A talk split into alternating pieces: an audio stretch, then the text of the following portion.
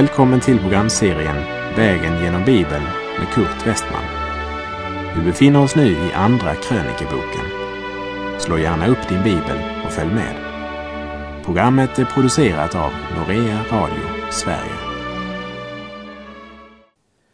På vår gemensamma vandring Vägen genom Bibeln har vi nu hunnit till Andra krönikebok kapitel 21 Kapitlet handlar om Josafats son Joram.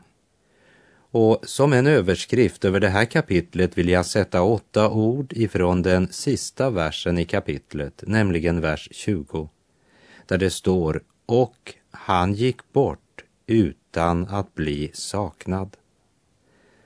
Vi ska alltså i det här programmet följa en man som väljer en livskurs vars konsekvens blir att det är ingen som sörjer över att han dör.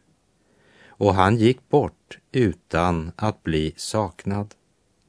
Men innan han gick bort lyckades han förleda folket i Juda till att avfalla från Herren, deras Gud. Och vi har kommit till ett avsnitt i Guds ord som på många sätt är ganska komplicerat.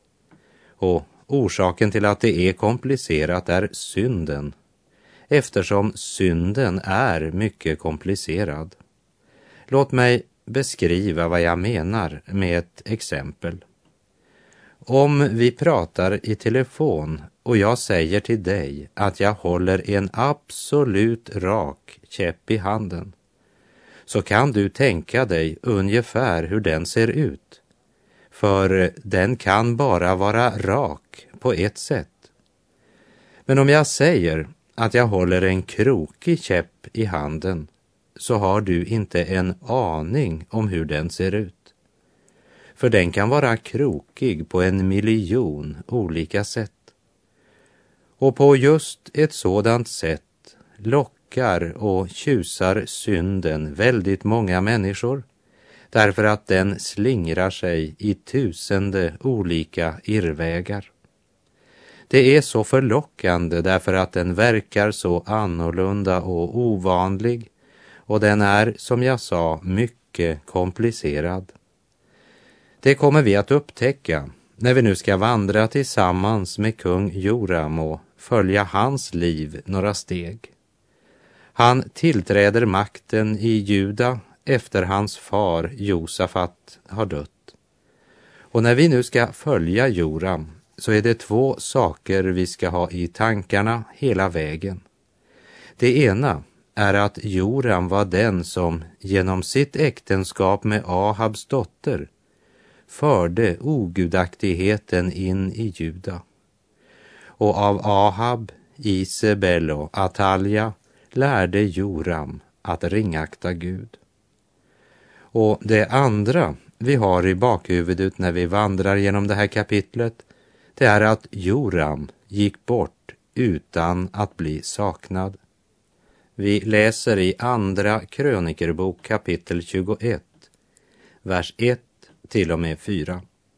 Och Josafat gick till vila hos sina fäder och blev begravd hos sina fäder i Davids stad och hans son Joram blev kung efter honom. Denna hade bröder, söner till Josafat, Asarja, Jehiel, Sakarja, Asarjahu, Mikael och Sefatja. Alla dessa var söner till Josafat, Israels kung, och deras fader gav dem stora gåvor i silver och guld och dyrbarheter och dessutom befästa städer i Juda. Men kungadömet hade han gett åt Joram, ty denne var hans förstfödde. När Joram nu hade övertagit sin faders kungadöme och befäst sig i det, dräpte han alla sina bröder med svärd, likaså några av Israels furstar. I bästa Stalinstil rensar han ut alla som han tror kan vara aktuella konkurrenter till kungamakten. Hänsynslöst, brutalt mördar han sina bröder. Likaså några av Israels furstar. Varför gör han på det här sättet? Vad får honom att handla så? Vi läser vers 6. Han vandrade på Israels kungars väg så som Ahabs hus hade gjort.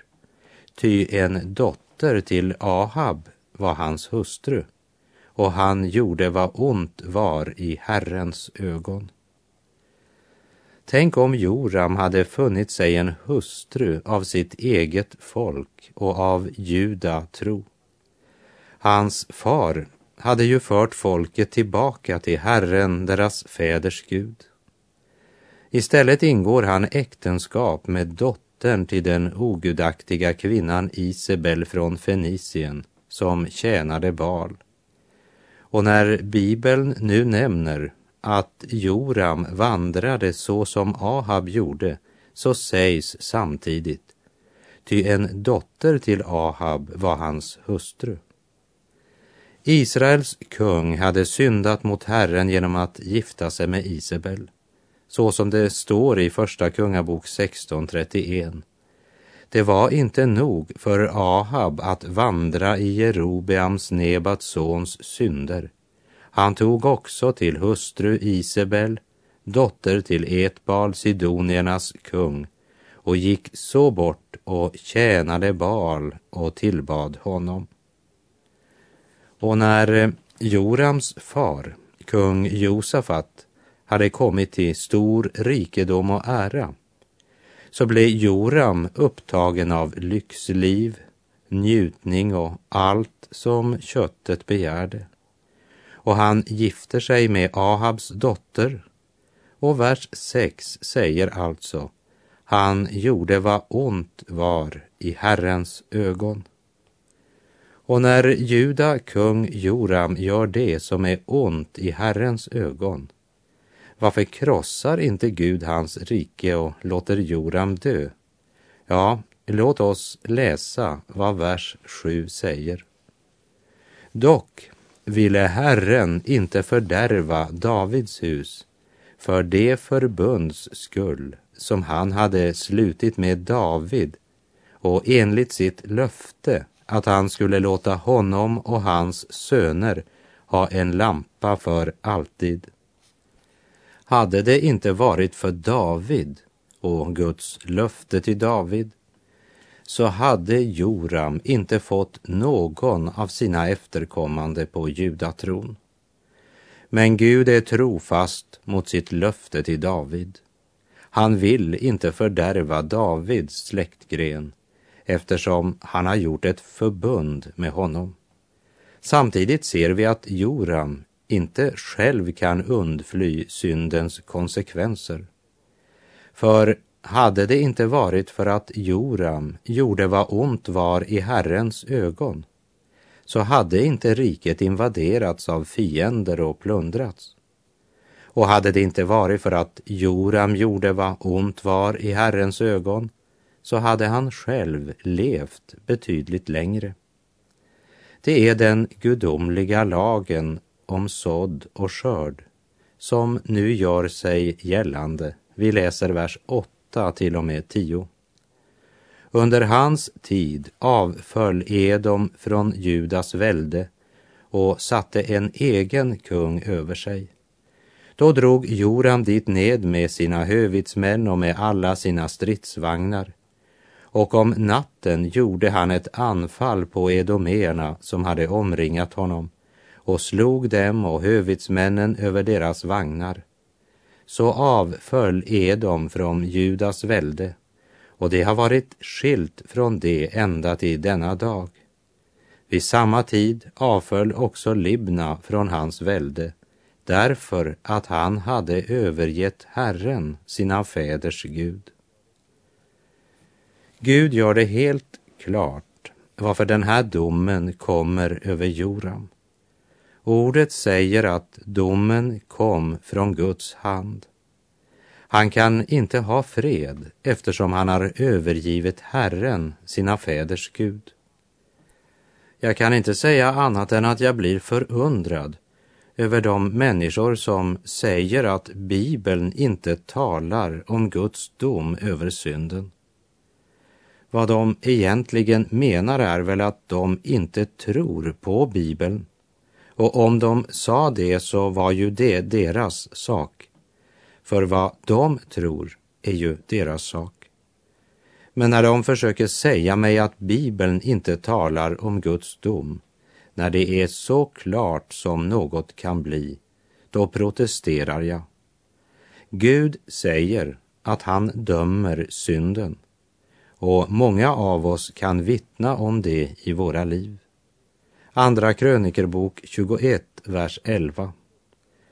Också han uppförde offerhöjder på bergen i Juda och förledde så Jerusalems invånare till trolös avfällighet och förförde Juda.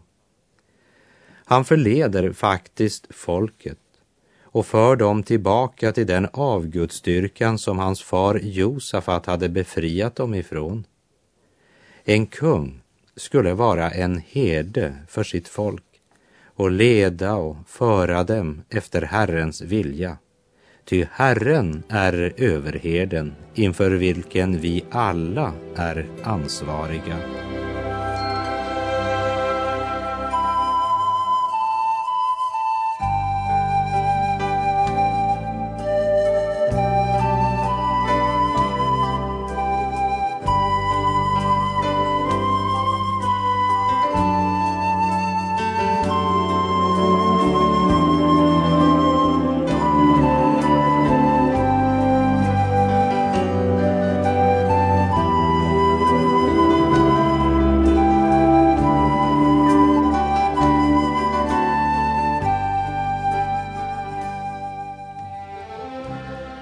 Juda hade blivit en vilsekommen jord, vilseförda av sin kung och av sina andliga herdar, som hade fört dem vilse och lät dem irra omkring på bergen. Så strövar de från berg till höjd och glömde sin rätta lägerplats, som det står i Jeremia 50, vers 6. Joram hade verkligen förskingrat fåren i Juda. Han hade genom offerhöjderna som han uppförde på bergen i Juda drivit folket bort från Herren. Och i Jeremia kapitel 23 och vers 2 står det Därför säger Herren, Israels Gud, så om de herdar som för mitt folk i bet. Det är ni som har förskingrat mina får och drivit bort dem och underlåtit att söka deras bästa.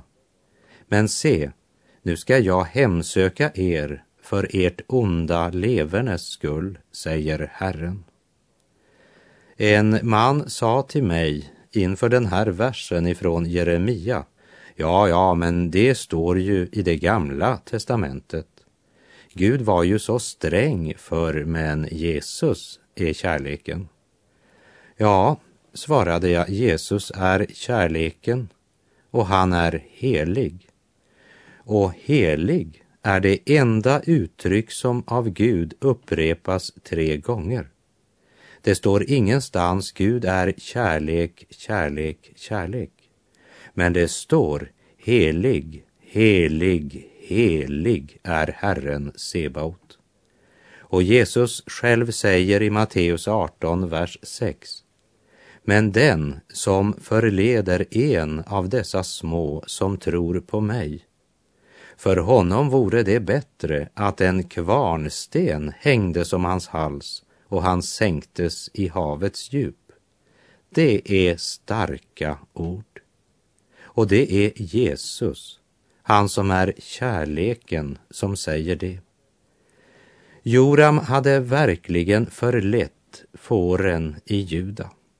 Och när Gud ska konfrontera Joram med sin synd så sänder han en gammal bekant ifrån första och andra konungabok som du kanske minns. Och det är mannen som Gud ofta använde när det var ett svårt och allvarligt budskap som skulle bäras fram. Gud talar till Joram genom profeten Elia. Andra krönikebok kapitel 21 och vers 12. Men En skrivelse kom honom till handa från profeten Elia och den lydde. Så säger Herren, din fader Davids Gud. Se, du har inte vandrat på din fader Josafats vägar eller på Asas, Juda kungs vägar. Det är inte alla budskap som är lika lätt att framföra. Men den ton som präglade Elia verksamhet var just budskapet Så säger Herren. Och det var mer än ord, för det var Herren som talade genom honom. Precis som profeten Mika talade i Herrens namn till Ahab. Men problemet var att Ahabs falska profeter, de påstod sig också tala i Herrens namn. De sa också, så säger Herren. Elia hade fått sitt budskap från Gud, men det var obekvämt. Precis som profeten Mika budskap var obekvämt. I motsats till lyckoprofeternas budskap. Men de var ju inte sända av Gud. De talade inte Guds budskap. Utan där var det som det står i Jeremia 14.14. 14. Men Herren sade till mig, profeterna profeterar lögn i mitt namn. Jag har inte sänt dem eller gett dem någon befallning eller talat till dem.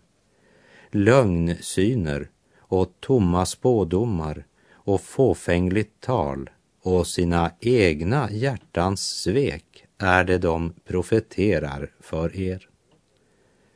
Och profeter som ropar så säger Herren, fast det är sina egna hjärtans svek de talar, är inte bara något som fanns på Gamla testamentets tid.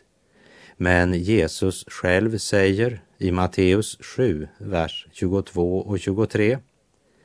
Många ska säga till mig på den dagen, Herre, Herre, har vi inte profeterat med hjälp av ditt namn och med hjälp av ditt namn drivit ut onda andar och med hjälp av ditt namn gjort många kraftgärningar. Men då ska jag säga dem sanningen. Jag har aldrig känt er. Gå bort ifrån mig, ni laglösa.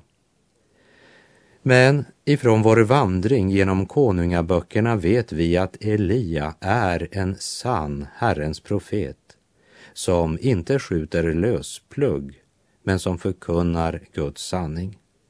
Och nu har han skrivit Guds budskap till kung Joram och vi läser vers 13 till och med 15. Du har vandrat på Israels kungars väg och förlett Juda och Jerusalems invånare till trolös avfällighet på samma sätt som Ahabs hus förledde till avfällighet. Du har också dräpt dina bröder som hörde till din faders hus och som var bättre än du. Därför ska Herren låta en stor hemsökelse drabba ditt folk likaså dina barn och dina hustrur och allt vad du äger.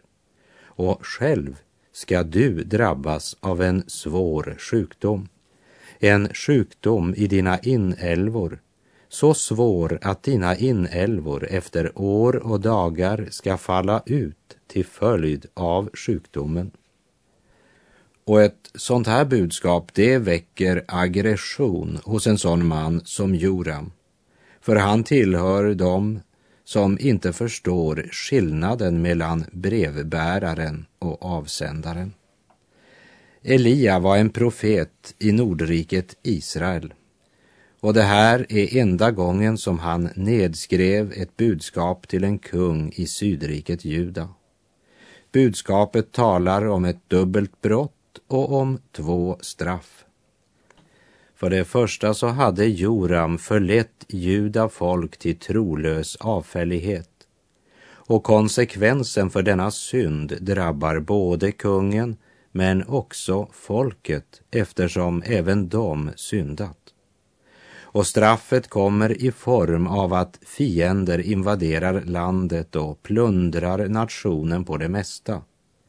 Det andra brottet, det var massmordet på sina bröder plus några av Israels förstar. Och därför ska han själv nu drabbas av en svår och smärtsam sjukdom som i loppet av en kort tid ska kosta honom livet. I Galaterbrevet 6, vers 7 och 8 står det Bedra inte er själva, Gud bedrar man inte. Det människan sår skall hon också skörda. Den som sår i sitt kötts åker skall av köttet skörda undergång, men den som sår i andens åker skall av anden skörda evigt liv. Joram hade inte bara bedragit sitt folk, han bedrog sig själv.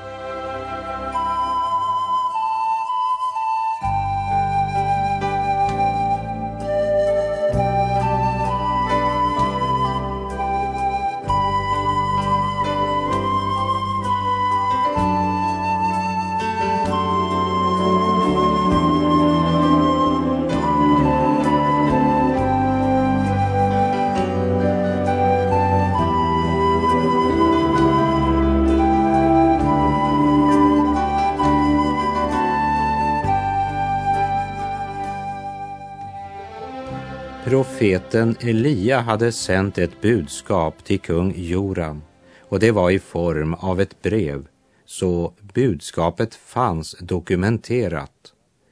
Och Elia kunde därför inte komma senare och säga, det har jag aldrig sagt. Budskapet var ju inte heller Elias ord, men Herrens ord. Och när vi nu läser vidare i Andra krönikerbok kapitel 21 så ska vi se hur exakt Guds profetia genom Elia faktiskt var. Vers 16 och 17. Och Herren uppväckte mot Joram filisteernas ande och de arabers som bodde närmast etioperna och det drog upp mot Juda och bröt in där och förde bort allt gods som fanns i kungens hus och dessutom hans söner och hustrur så att han inte hade kvar någon av sina söner utom Joahas, sin yngste son. Både filisterna och araberna hade en lång tid haft fred med både Asa och Josafat men nu uppväcktes deras ande mot Joram och Juda. Plötsligt bryter det alltså ut krig. Varför? På grund av synden. För krig är en av syndens frukter. Ibland så tänker vi på krig bara som något som föregår på slagfältet. Men kriget föregår här hemma och börjar i vårt eget hjärta hjärta när synden får plats. För varken friden eller freden är ett jordens barn utan en himmelens dotter, en Guds gåva. Om krigets och ofridens rot är synden så är vår enda räddning att det kommer en och tar bort våra synder och ger oss det som är syndens motsats, nämligen Guds rättfärdighet. Joram bedrog sitt folk och han bedrog sig själv. Och nu måste han alltså skörda vad han har sått. Andra krönikerbok kapitel 21, vers 18 till och med 20. Och efter allt detta hemsökte Herren honom med en obotlig sjukdom i inälvorna. Och efter år och dagar när två år hade gått till ända föll hans inälvor ut till följd av sjukdomen och han dog i svåra plågor. Men hans folk anordnade ingen förbränning till hans ära som de hade gjort efter hans fäder. Han var 32 år gammal när han blev kung och han regerade åtta år i Jerusalem och han gick bort utan att bli saknad. Och man begravde honom i Davids stad, men inte i kungagravarna. Folket i Juda hade blivit förförda av sin kung och de visste det. Alla rikedomar i kungahuset hade rövats bort av fiender. Juda var nu som ett folk utan herde. Men han som hade lärt dem att vända Gud ryggen och därmed fört nationen i olycka, han var nu död och han visas ingen heder vid begravningen. Han gick bort utan att bli saknad. Man hatade Joram. Han hade kostat dem allt. Ja, synden ger aldrig vad den lovar. Men det gör däremot Jesus. Han är sanningen, han är trofast och han har makt att förlåta synder och ge evigt liv. Så vänd du din blick till honom. Och med det så är vår tid ute för den här gången. Så ska vi i nästa program se att Jorams hustru Atalja var en fruktansvärd kvinna och hon var den mest hatade av alla som någon gång regerat i Juda. På återhörande om du vill. Herren vare med dig. Må hans välsignelse vila över dig. Gud är god.